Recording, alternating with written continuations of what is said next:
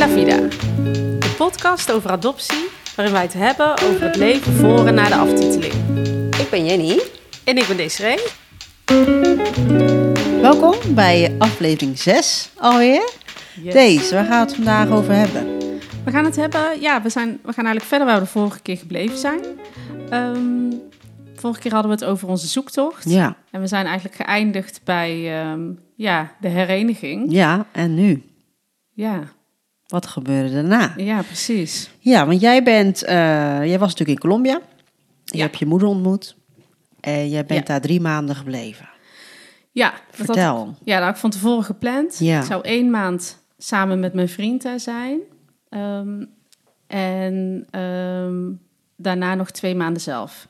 En Mhm. ik had van tevoren bedacht dat ik eh, verder Spaanse les wilde gaan volgen. Dat had ik al gehad in Ecuador, maar dat wilde ik verder oppakken. En ik zou vrijwilligerswerk gaan doen in het tehuis en op een meisjesschool. Oh, wa- en dat vrijwilligerswerk, heb je dat eerst of aan het eind van je reis? Ehm, de gehele reis. Oké, dat was gewoon tussendoor. ik dat eh, eh, doen en dan smiddags was ik vrij. Oké, oké. Ja. En dan ben je natuurlijk ineens eh, bij je familie. Je bent ineens bij je moeder, bij je broer, bij je zussen. Ja, Hoe was dat? heel gek. Ja, Ja, heel raar. En heel leuk. Maar ook wel heel gek, want je, jij bent gewoon echt aan het aftasten. ja. En je wil heel graag eh, mengen, zeg maar, tussen hun. Mhm. Maar aan de andere kant weet je ook helemaal niet hoe je dat eigenlijk moet doen. Of wat er van je verwacht wordt. Sociale omgangsnormen. Ik had echt geen idee. Nee. Dus dat maakt je ook wel onzeker. Dat snap ik. En Ja. qua gevoel naar je moeder, want ik, ik noem het dan nu je moeder. Ja. Eh, maar goed, het is natuurlijk, kijk, ja, biologisch zien weet je dat het je moeder is. Maar Ja, ja, ineens staat ze, sta je tegenover elkaar. En ja, dat gevoel, hoe gaat dat dan? ja dat heeft echt moeten groeien. Ja. Zij heeft mij wel heel erg eh, op mijn gemak altijd laten voelen.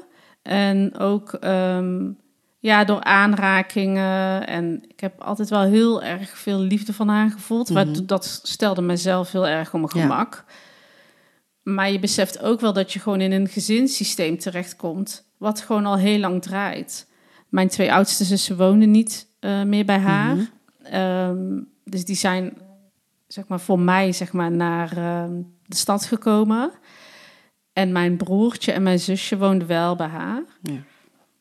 Ja, en dan opeens ben ik daar ook. En dat is gewoon heel gek. Ik weet, mijn zussen, dat zijn dan oudere zussen, ja, dat, daar voelde ik. ehm, ja, ik kwam daar niet een plek in nemen of zo, want dat was, daar, dat was het voor hun ook niet, zeg maar. Zij, waren daar ook eh, te gast, zeg maar, als logé. Ja, maar ja, zij, voor hun is natuurlijk al gewoon al die tijd hun moeder. En, en ja, nu kom jij erbij. Hoe hebben zij dat eh, ervaren? Hoe gingen zij daarmee om met jou? Ja, heel erg warm en heel blij, echt met open armen. Daar is, dat, ja, dat Oh, was echt heel fijn, fijn, ja. heel leuk. Ehm, mijn jongste zusje merkte ik, ja, zij was een jaar of, ja, ik weet het even niet meer zo goed, echt slecht, maar ik gok een jaar of tien. Mhm. Ehm, zij had daar wel meer moeite mee. Die, de baby van het gezin. En opeens kwam ik daar ehm, ja, misschien wel lichte aandacht op eisen. En dat vond ik ook wel lastig. Eh, ja, je wilt ook die grote zus zijn, terwijl Mhm. ik weet helemaal niet hoe dat is om een grote zus te zijn. Je Nee. probeert een rol aan te nemen, maar je weet eigenlijk helemaal niet welke. Nee. Maar hoe merkte je dat zij dat lastig vond? Eh, ja, dat voel je wel een beetje aan. Hm. Dat dat soms eh, een beetje wrijft of zo. Terwijl ja, de taal, ik sprak wel, ze kon wel gewoon met hun communiceren. Dat vond ik heel fijn. Dat had ik al geleerd in Ecuador. Ehm, ik, ik volgde nog steeds lessen. Dus dat vond ik heel fijn dat je die taal, dat zou ik ook iedereen aanraden. Ja, dat kan ik me voorstellen. De ja. taal was geen eh, probleem meer. Mijn zussen waren naar Medellin gekomen, dus naar de stad. Ehm, dat was van tevoren al bepaald. Mhm. Eh, dat hadden ze mij gevraagd. Van, wil je dat iedereen bij elkaar komt om ze te ontmoeten? Dat ik gezegd ja. Ehm, nou, dan moeten ze dus ook eh, gefinancierd worden om naar de stad te kunnen komen. Ja, want dan hadden ze zelf waarschijnlijk geen geld voor. Nee, nee, Nee. dat was echt. Dat, eh, dat was ook de reden waarom ze zelf elkaar al jaren niet meer hadden gezien. Dus het was voor ja. iedereen een hereniging. Ehm, wij hebben dat, eh, we- dat zouden wij betalen als we daar zijn, zodat Mhm. hun ook terug konden reizen. En ja, op een gegeven moment ehm, dit is een voorbeeldje van de dingen waar je tegenaan loopt. Is op een gegeven moment, er was de avond dat zij terug zouden gaan met de bus. Nou, ja, ik, wij hadden dat eh, eh, betaald, dus wij kwamen gedag zeggen. En toen bleef iedereen zo ons aan zitten kijken, mij mijn vriend, zo van, eh, ja, en nu? En nu? Toen dacht ik, wat is hier aan de hand? Maar jij had vooraf dan, hoe had je dat gedaan met dat geld? Ja, dat hadden wij gewoon aan het begin van de reis gegeven. Aan je moeder? Ja, ja, en zij zou dat dan met mijn zus gewoon, want zij hebben natuurlijk geld moeten lenen om hierheen te Mhm. komen. En toen bleek dus dat het geld voor de terugreis op was. Oei. Ehm, ja, en dat wij dat dus dan moesten betalen. Maar ik had zoiets van, ja, hallo, dat heb ik al betaald. En dat vond ik zo lastig. Eh, daar ben ik wel opnieuw mee over in gesprek gegaan. Omdat dit is ook waar mensen je voor waarschuwen. En ik dacht, ja, maar dan wil ik juist niet dat dat nu bij mij gebeurt. Want Nee, wat dacht je toen? Ja, gaat dit nou echt zo zijn? Gaat het nu om geld ineens? Nou, Dacht je dat? Of? nee, ik dacht, ik was gewoon bang dat dit ons contact zou verpesten. Mhm.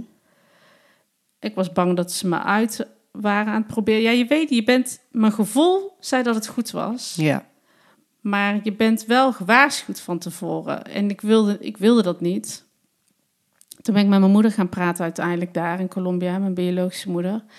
En ehm, die legde uit dat zij dus al een aantal weken lang eh, twee extra gezinnen, dus het gezin van mijn zus en het gezin van mijn andere zus, moest onderhouden. ja, dat kost natuurlijk ook een hoop geld. Dat had zij anders nooit kunnen Nee. betalen. Dat is mij nooit helemaal niet uitgelegd. Weet je wel, hoe had ik dat moeten weten? Nee. Tuurlijk, dat komt door mij, weet je wel. Ja. Dat vond ik verdrietig, omdat ik die dingen niet wist van tevoren. Niemand legt je zulke dingen uit. Ehm, ik vond het erg voor mijn moeder dat ze dat... Ik merkte dat ze zich ervoor schaamde. ja. En ja, dat vond ik heel lastig.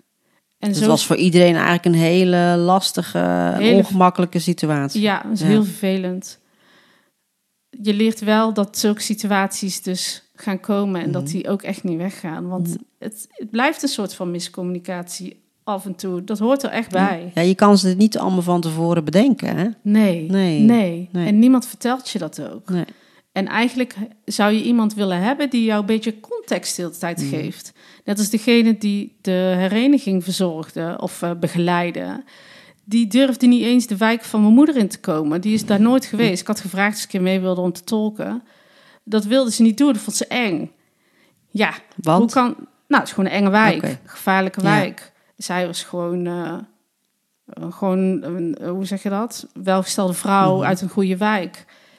Ja, dus hoe kan zij mij nou, hoe kan zij mij nou voorbereiden op het echte leven wat, wat bij mijn moeders familie speelt? Ja, niet. Nee, nee. Maar wie dan wel? Ja, Nou ja, niemand. En ik denk dat, dat, dat wij misschien hopelijk dat nu een beetje voor anderen wel kunnen doen. Hè? ja, ja. Want nog even terug over, want je had het natuurlijk over, nou, over het logeren. Waar, waar sliep jij? Waar verbleef jij? De eerste vier weken samen met mijn vriend zaten wij in een hotel. Mhm. En ehm, daarna zou ik in een hostel gaan, omdat ik ook gewoon andere mensen wilde leren Mhm. kennen. En eh, ja, dat backpacken vind ik, vond, ik, eh, vond ik leuk. En ik dacht, wellicht kan ik dan meer ook van het land gaan zien met Ja. andere mensen. Ehm, dus daar verbleef ik. Eh, dat, vond, eh, dat vond mijn familie ook wel lastig. Waarom, waarom kom ik niet bij hun slapen? En ik heb dat Herkenbaar. ja? ja, ik heb dat niet gedaan. Ik heb wel een keer gelogeerd. Voor mij was die shock gewoon te groot. Ik, ik had, ik heb, dat, dat ben ik van persoon dat ik heel erg de ruimte nodig heb om bij te komen. Alleen even niks. En ehm, dat zou ik daar gewoon niet hebben. Ja, hun zijn dat gewend om samen alles, een kleine ruimte met Mhm. elkaar te delen. Voor mij was de shock al zo groot. Het- gewoon door alles wat je meemaakt. En ehm, ja, ik had wel het idee dat ik hun daar wel een beetje teleurstelde. Vond ik wel lastig. Ja, zij had waarschijnlijk eh, alleen maar geweldig gevonden als je daar eh, was gebleven. Ja, hun. en mijn zusje daar ook. Want Ja. dat weet ik wel. Dat ze, die, uiteindelijk heb ik het voor haar dus wel een nachtje gedaan. Maar die wilde zo graag dat haar Ach. zus kwam logeren. Dat is dan wel weer heel schattig. Ja, ja. En toen ben ik ook eh, uitgegaan, gewoon in de wijk. Daar kwam niet eens een taxi. Die durfde daar ook niet te komen. Dus Maar je heb jij je dan ook, voelde jij je daardoor ook onveilig? Of, of hoe was het voor jou? Nee, want ik had altijd mensen omheen Ja. die me liepen naar, naar de begaande weg. De, eh, de weg was daar ook gewoon nog niet aangelegd. Dus eh, het was best een stukje lopen nadat er echt gewoon een aangelegde weg was. En eh, nee, er liep altijd iemand met me mee. En ja, iedereen kende me. En dat vond ik juist eigenlijk wel heel leuk. Of dan liep ik langs een winkeltje en zei ze... Oh, je bent echt, echt je moeder in het jong. ja, dat vond ik geweldig om te horen. Ja, dat kan En- ik me voorstellen. Een ander dingetje wat ook zo, ja, wat ik ook best wel pijnlijk vind, is dat op mijn papieren staat de naam van mijn moeder, een dubbele naam. En die heb ik zelf ook zo gewoon gebruikt in mijn hoofd en ook gewoon verbaal, zeg maar. En pas eigenlijk veel later kwam ik erachter dat de, haar roepnaam, of gewoon, eh, hoe zeggen we dat, hoe mensen haar Ja. gewoon, Noemen. dat dat eh, niet de naam is die ik gebruik. Oh, Ja, dan voel je je ook weer. Ja, wie vertelt mij dat nou? maar heeft zij dat, heeft je moeder dat ook niet gezegd? Nee, want ik heb haar nooit. Ja, dat is ook zo'n lastig ding. Hè? Ik heb een moeder, Ja, snap je? En opeens ehm, is mijn biologische moeder een persoon die mij haar dochter noemt en Ja. haar kindje en haar, ja, gewoon die mij aanspreekt. en heb Eh, je daar een loyaliteitsconflict voor jezelf in gehad? Of heb je daar last van gehad? Van ineens twee moeders hebben? Nee, ik heb haar heel lang dus gewoon met, met haar voornaam niet direct aangesproken. Mhm. Direct aanspreken heb ik altijd ontweken. Oh ja. Omdat dat ook respectloos voelt om haar met haar voornaam aan te Mhm. spreken. Ik weet nog steeds niet wat, wat voor omgangsvormen daar normaal in zijn. Nee. Maar eh, mama zeg ik, ja, dat, dat vind ik zo gek. Want ik zeg mama tegen mijn mama. Mhm. Aan de andere kant, nu zijn we zoveel jaar verder. En voel, heb ik wel echt meer een band met haar opgebouwd. Maar het, eh, hoe zeg je dat? Dat eerste moment dat om haar mama of zo te noemen, Mhm. is nog niet gebeurd. Nee. Nee, ja, misschien gaat er nog wel een keer gebeuren, maar het is zo ingewikkeld, Ja, dat is heel dubbel, denk Ja. ik. Ja. Ja. Heb je daar wel eens met je moeder hierover gesproken? Over dat stukje? Ja, ja, met mijn ouders vooral samen. En die zijn er wel gewoon nieuwsgierig van hoe ik dat dan ervaar Mhm. en hoe ik dat zie. En ik voel daar wel alle ruimte in, maar het is meer dat je hoe het voor jezelf, hoe het voor mijzelf voor jou voelt. voelt. Ja. Ja. En ehm, het geeft mij wel, eh, dat moet gewoon groeien. Het feit dat zij mij, hoe zeg je dat, aanspreekt als kindje, dochter, eh, weet ik van wat. Dat geeft mij een comfortabel gevoel, wat ook heeft moeten groeien, zeg maar. Om, omdat eh, dat deze volgens mij ook niet vanaf het begin gelijk. Dus, dus het contact moet groeien. En het pijnlijk is dan dat je gewoon weinig momenten hebt samen om dat op te bouwen. Ja, je bent natuurlijk niet eh, nu vervolgens, weet ik voor hoe lang daarin kom. Ja, drie maanden, maar uiteindelijk is drie maanden natuurlijk ook niks. Nee, eh, daarna ben ik het jaar daarna ben ik met mijn ouders eh, eh, gegaan Ja. en mijn vriend weer.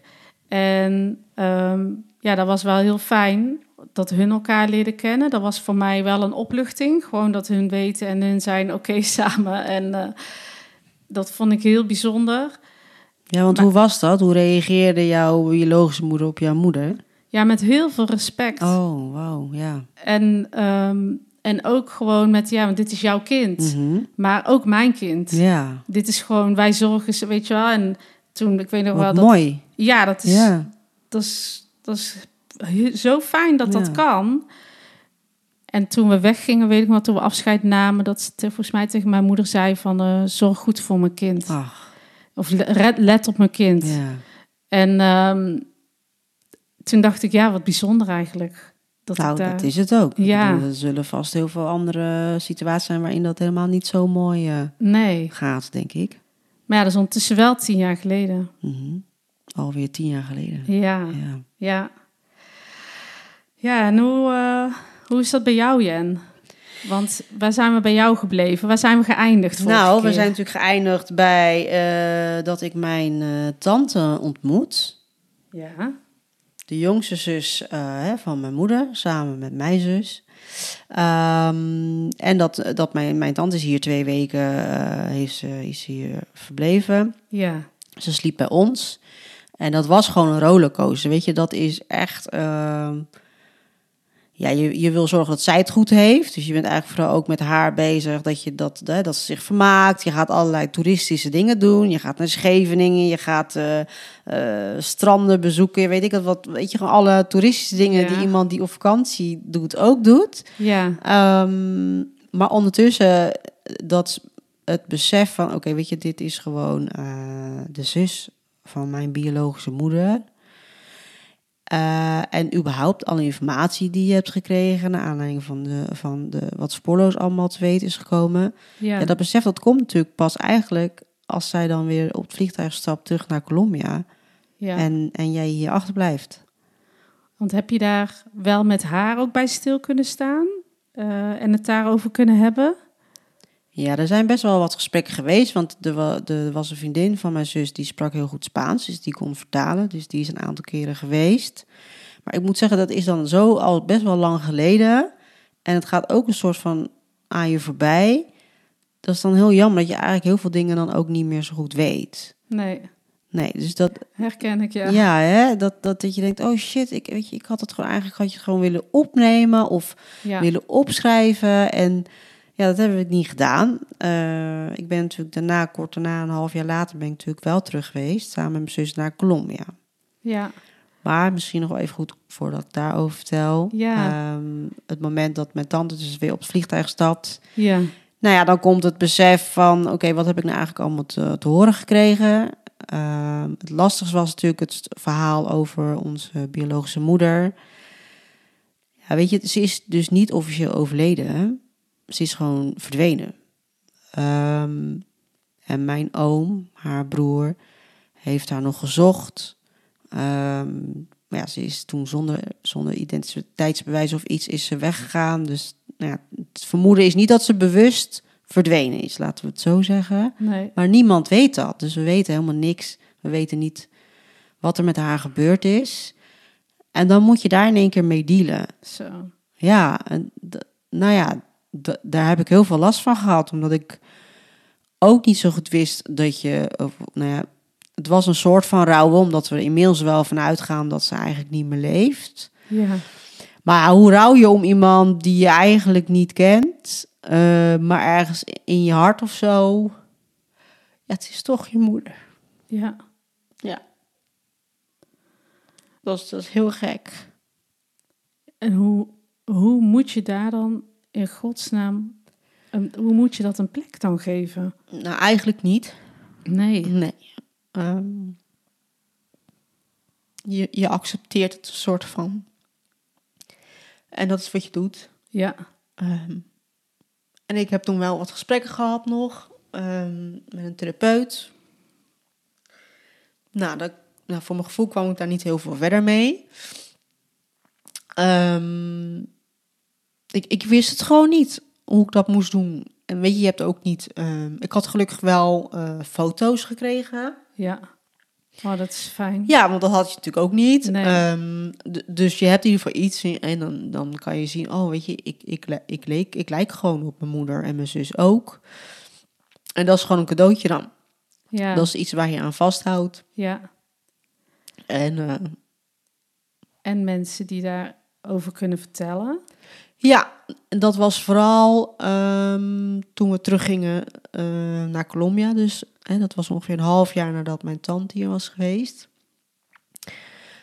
Eh, toen gingen we terug. En dat was natuurlijk, dat, dat was eigenlijk nog veel heftiger. Omdat, kijk, eh, mijn tante alleen hier, dat is natuurlijk één persoon. Ja, ja, En, ik, en je bent in je eigen vertrouwde omgeving. ja.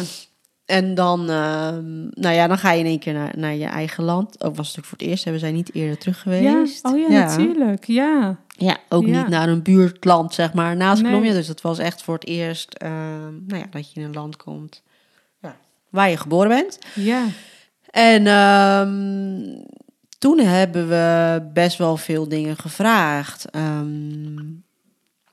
aan mijn ooms en tantes. En ook dat is dan dus informatie die ook alweer nu een tijd geleden is. Waarvan je denkt, oh jeetje, ik had...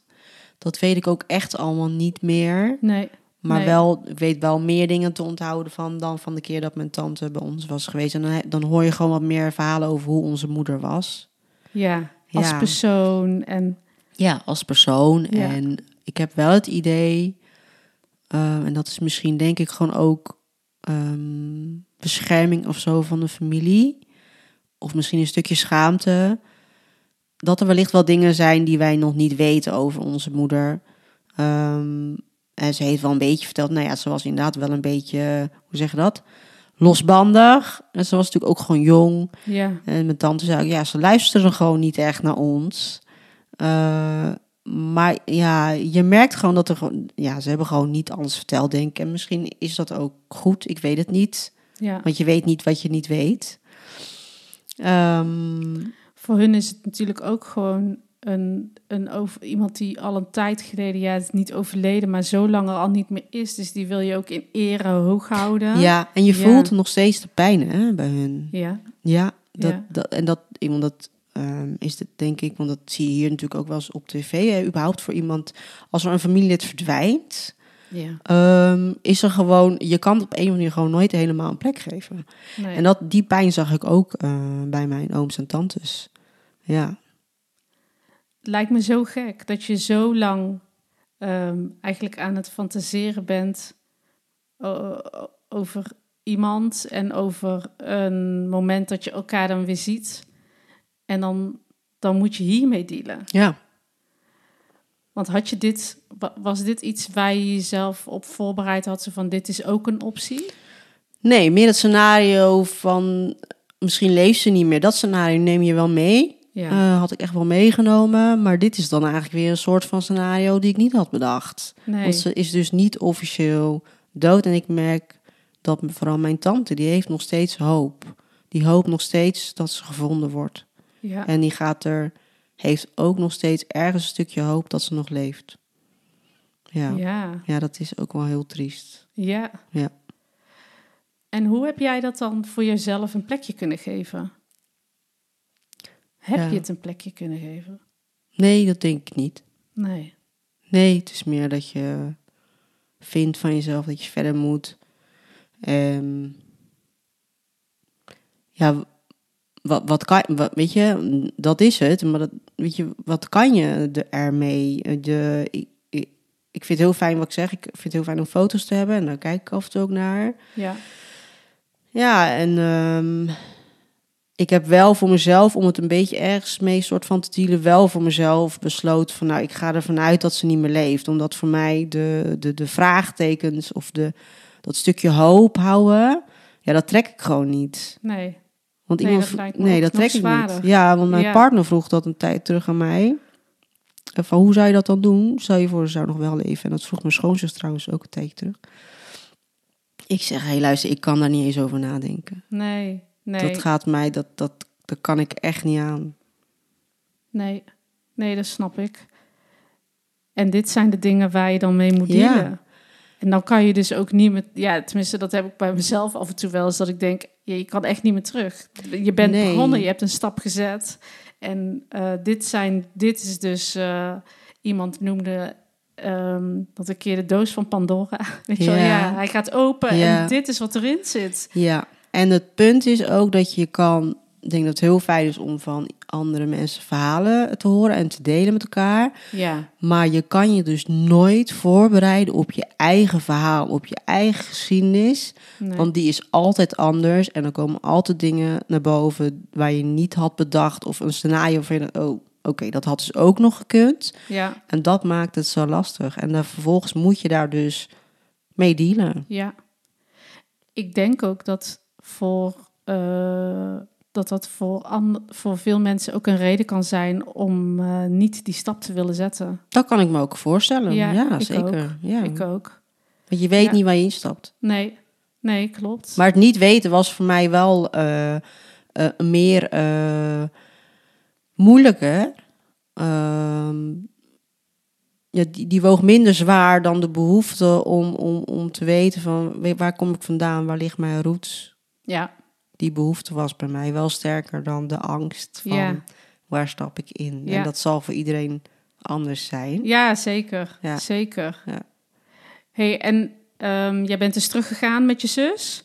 En eh, naar Colombia, dat was dan de eerste keer.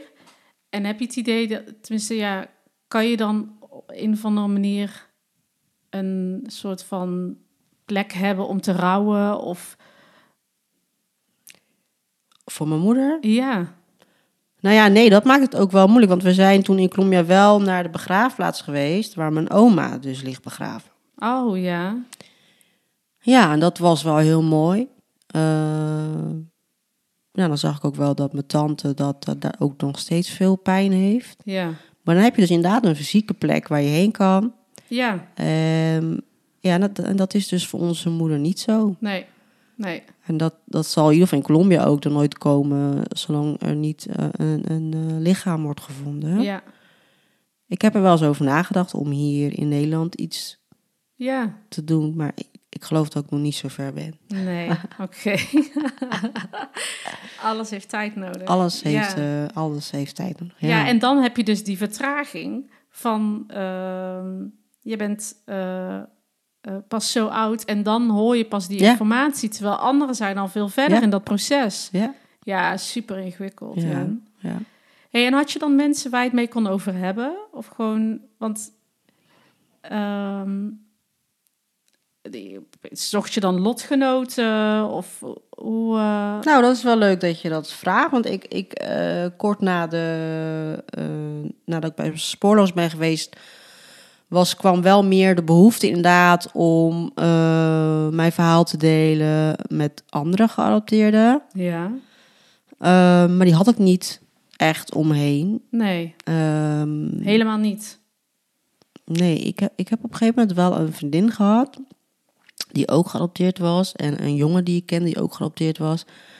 Maar daar, nou, daar heb ik niet op die, op die manier dat gedeeld. Want die, daar stond, daar, we stonden daar gewoon anders in. Dus, Ja. dus dat was wel een vriendschap. Maar eh, op dat gebe- eh, gebied werd er niet heel veel besproken. Ja, Ehm, en ik ben toen op een forum gegaan voor geadopteerden. En, ehm, weet je nog hoe dat heet? Jij, als ik naar jou kijk, jij waarschijnlijk nog wel. ja, want ik zat daar ook toevallig. ja, Ehm, volgens mij is het adoptieforum. Het bestaat Ja, niet meer. nee, maar dat, dat was best een heel druk bezocht forum toen de tijd. ja, en ik vond het wel heftig eh, om daar de, de verhalen te lezen van anderen, omdat ik heel erg schrok van de. Eigenlijk las ik daar vooral hele negatieve verhalen. Dus in die zin verhalen van mensen die hun adoptie op een hele negatieve manier hebben ervaren Ja, en hele nare dingen hebben meegemaakt. ja, ik schrok echt. En ik was, dat, ik, wist ik het, wist ik veel. Ik, weet je, ik, ik was helemaal niet eh, in die wereld, dus ik, ik eh, schrok daarvan. Maar, waar zocht je naar? Even tussendoor. nou ja, dat wist ik niet precies, maar ik zocht eigenlijk gewoon. Was je vrijgezel? Nee, volgens mij niet. Nee, maar ik was ook niet op zoek naar een jongen, nee.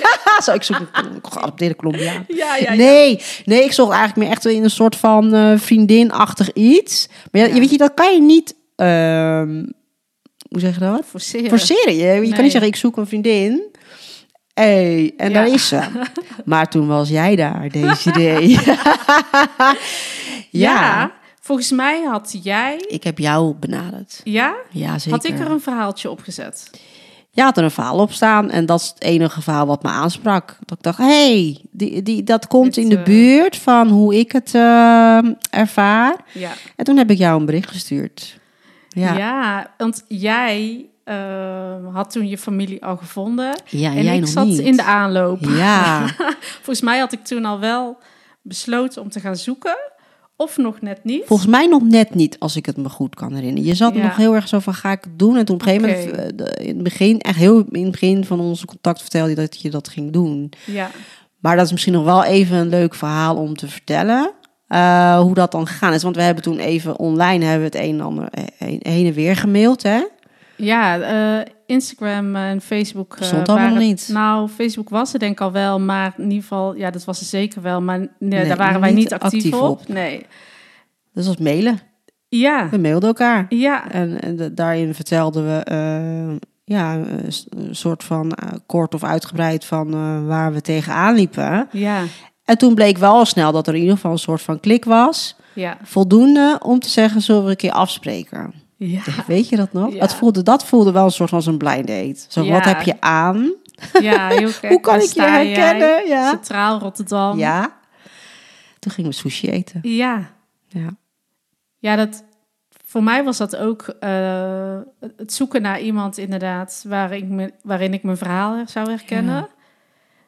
Ja. En daar is onze vriendschap uit ontstaan, hè, Jen. Dat is 13 Ja. jaar geleden, volgens mij. Zoiets. En ehm, eh, ja, lieve leed met elkaar gedeeld. En onze adoptie met elkaar gedeeld. Ja, en het was zo voor mij, en dat geldt denk ik ook voor jou, zo fijn om sommige dingen te bespreken waarin je dan toch weinig woorden nodig had Ja, en elkaar dan toch begreep. ja, ja Dat vond ik echt heel fijn. heel waardevol. Ja. Ja, ja, zeker. En kijk, we zitten hier inmiddels, dus het heeft ons eh, het op dit Veel punt gebracht. Ja. En eigenlijk ook, ook wel een verdieping nog gebracht in onze vriendschap, hè? ja, Dat, je, dat we dan toch ook weer, weer op een andere manier dan we al deden... eh, over onze adoptie eh, praten en dingen met elkaar delen. Dus dat, dat is echt een heel mooi cadeau wat, wat de podcast ons gebracht heeft. ja, ja, zeker. En nog steeds, hè, Jen, dat we eigenlijk door de gesprekken die we Ja. hebben tijdens de podcast... ehm, eh, nog ook zelf nog dieper na gaan denken over onze Zeker. eigen situatie. Ja, absoluut. Ja. Dat, dat, dat, daar gaan we in een andere aflevering nog op in. Maar dat, Ja. heeft, dat heeft zeker iets eh, gedaan ook nog. Ja, Ja. zeker. Hey, we gaan naar de stelling. Ja, wat is die, eh, deze? De stelling luidt als volgt. Als je je biologische familie gevonden hebt, voel je je compleet. Nou Jen, die is voor jou. Oké dan. Ehm, mm, ja en nee. Waarom? Ehm, voordat ik mijn familie had gevonden, had ik het gevoel dat ik heel veel puzzelstukjes miste. Eh, waardoor ik me heel erg incompleet voelde. Eh, na de zoektocht zijn er eh, wat puzzelstukjes. Ik heb de puzzel wel wat vollediger kunnen maken. Hè? En dan heb ik het vooral over het stuk dat ik me kon identificeren aan. Dat ik een foto had van mijn moeder, kon zeggen: Oh ja, ik lijk op mijn moeder. Alleen al die zin, ik lijk op mijn moeder, dat is, dat is goud waard, toch? Ja. Ja. Ja, herkenbaar. Ja, dat, kon, dat kon je hiervoor niet zeggen. Nee. Uh, en dus daarmee ook het stuk als je bij familie bent, um, dat je elkaar aankijkt en dat je kijkt naar een tante en denkt, oh, ik lijk op haar of ik heb dat van haar. Ja, dat stuk, uh, dat is, vond ik een enorm gemis en daar had ik last van als je het hebt over je, je identiteit vormgeven, wie ben ik, uh, heeft dat me echt enorm geholpen. En de andere kant, als je het hebt van zo stellen van ik voel me compleet nee, omdat het ook zoveel meer weer vragen op heeft geroepen. En het brengt dilemma's met zich mee. Ja. Hoe sta jij erin? Ja, echt precies hetzelfde, Jen. Ja. En die dilemma's die um, uh, maken het soms ingewikkeld. Daar gaan we het later een andere aflevering meer over hebben. Hè? Gewoon nu, hoe we nu met de familie, biologische familie omgaan. En waar je dan allemaal tegenaan kan lopen. Of waar wij tegenaan lopen. En um, het wensen dat je op iemand lijkt. En uh, die, was, die wens voor mij was ook zo groot. Dat ik dit er graag voor lief bij neem. Maar ik vind het wel moeilijk. Ja. En maakt het me compleet? Nee, want wat jij zegt, er komen nieuwe vragen op die ik ook waarschijnlijk niet altijd allemaal beantwoord ga krijgen.